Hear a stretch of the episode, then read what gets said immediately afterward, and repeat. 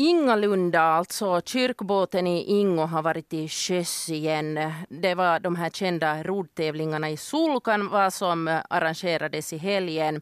Och då packade Ingoborna sitt pick och pack och åkte iväg till Sulkava de också för 24 gången någonsin.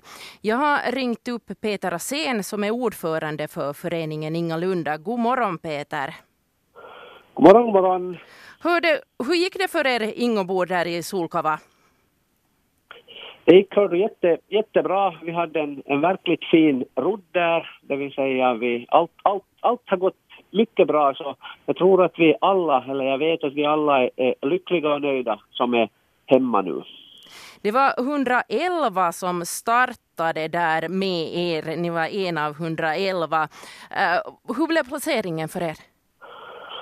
Ja, 111 båtar startade i vår rodd. Det är ju så att rodden i Sulkava är egentligen fyra dagar och där finns åtminstone om jag tar, utan att nu ta till för mycket, det finns närmare väl 15 olika starter, men, men det här som kallas kvällsrodd, start på fredagen klockan 16.00, så det var där det var 111 båtar, det vill säga cirka nästan 1700 roddare startade på samma gång. Och vi hade placeringen i år 71 det vill säga en, en riktigt, riktigt bra, bra placering för oss och vi jagar inga placeringar utan vi jagar, vi, vi jagar en fin rodd.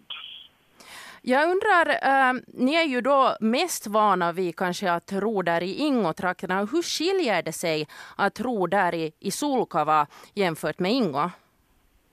Det skiljer sig kanske kanske mest på det sättet att jag tror att vi har bara fördelar att vi får ro i havet, det vill säga vi har ju nästan alltid, i år har det igen varit en sån, vi har nästan alltid ganska hård vind. Vi är ganska härdade i hård vind, både sidovind, motvind och alla vindar egentligen och, och, och det här så att, så att det, det är bra det är bara fördelar egentligen men, men också, också vi ska komma ihåg Saimen är en jättestor insjö så, så det här, där går också hög sjö, lite annorlunda eh, sjö kanske och lite annorlunda vågor men även denna gång så fanns det så fanns det det här ganska stiltje en del och alldeles tillräckligt med motvind, speciellt alltid i andra halvan så, så är ofta och även i år lite motvind och, och, men egentligen ingen sidovind så det, så det här så det var, det var, det var, det var helt, helt, helt bra.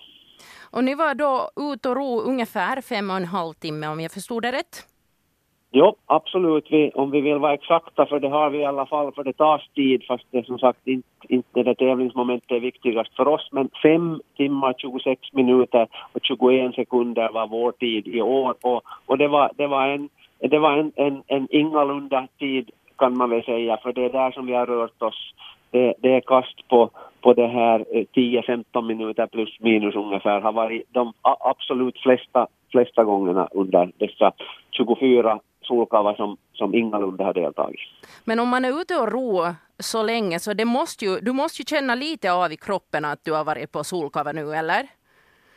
No, egentligen, eh, jag personligen den här gången så, så hade en extra bra rodd var det sen att det var, det var en, en bra dag för mig för, för jag, jag känner väldigt lite av det. det. Det är helt klart om man kommer i mål är man trött men, men egentligen idag så, så, så känner jag inte alls av, av att jag har rott. Inte inte på, no, inte på något sätt, In, ingenstans ont och, och, och, det här. Men, men jag vet att man kan ha, och jag har många gånger haft och, och känt av det flera dagar och det kan hända att det är någon som, som, som, som känner av det mer än jag. Men, men i, i, år var det, i, i år var det en speciellt bra rodd för mig personligen. Mm.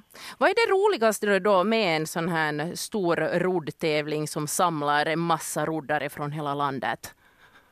No, nu, är, nu är det roligaste egentligen är, att man är ett lag, ett team som, som deltar. Det, det är kanske absolut det roligaste. Och sen, sen det här, den, här, den här starten är, är nog någonting som är väldigt mäktig. När, när som jag sa där nästan 1700 roddare, då, då skottet smäller då när man startar klockan 16.00 så, så sätter alla samtidigt årorna i vattnet. Och, och det, det är liksom det är ett skum, det virvlar hela, hela den där fjärd, fjärden där, där vid en bro, Hakovirta heter bron där vi startar, så, så hela den där sjön liksom lever och, och, och den där känslan så, så är, är fin då man, då man är en, en av de här med, med i sin egen båt förstås och, och det här och sen också, sen också en, en av de här, de här många som, som startar. Så, så visst, visst är det jättestort och, och sen, sen naturligtvis kan man aldrig liksom underskatta målgången är nog väl ändå det där som, som, som då, då, då känner man att, att det här klarar jag av och, och, och det här och, och, och vi klarar av det framför allt för, för ensam så,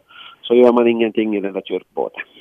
Peter Asen, jag, jag funderade på en sån här grej. När det är så många kyrkbåtar där, finns det risk för kollision där i starten?